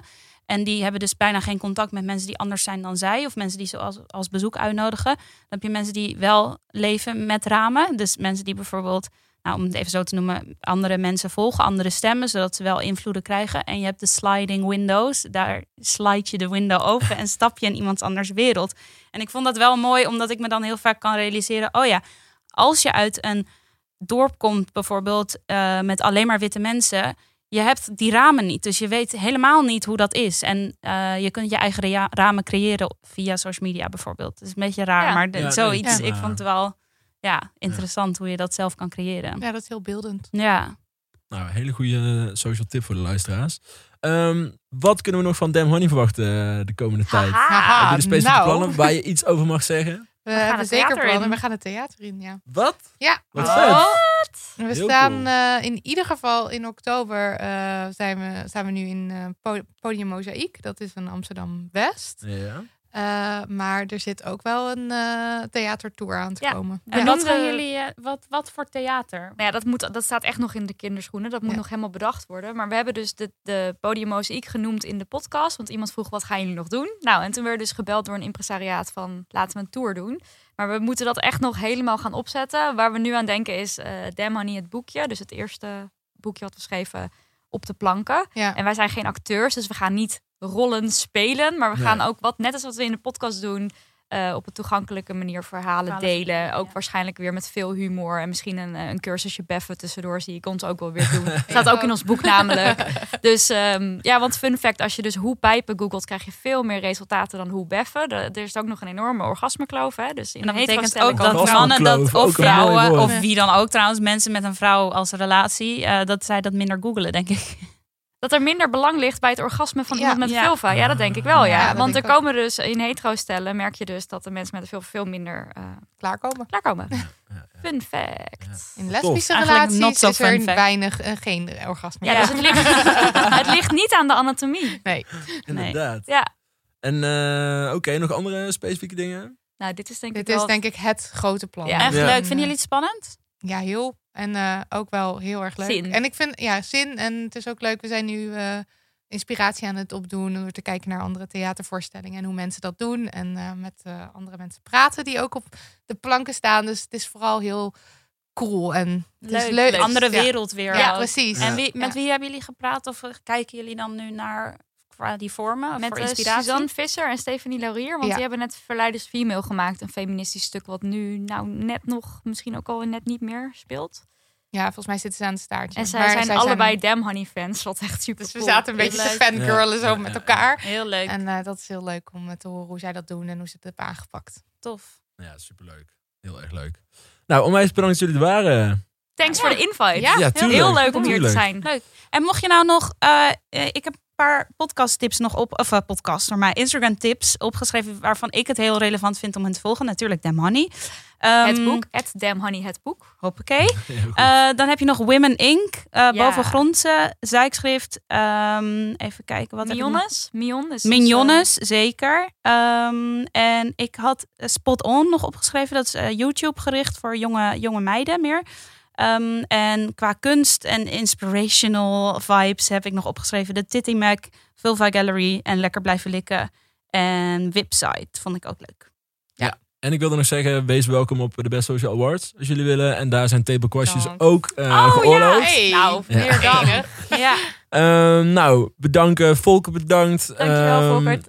Lekker gewerkt, pik. Kato bedankt. Steve en Britt van de redactie bedankt. Gabrielle bedankt. Luisteraars bedankt. Ehm, wil je je bek opentrekken over de Best Social podcast? Doe dat dan vooral met een review op iTunes. Eh, het kan ook via onze Instagram DM's.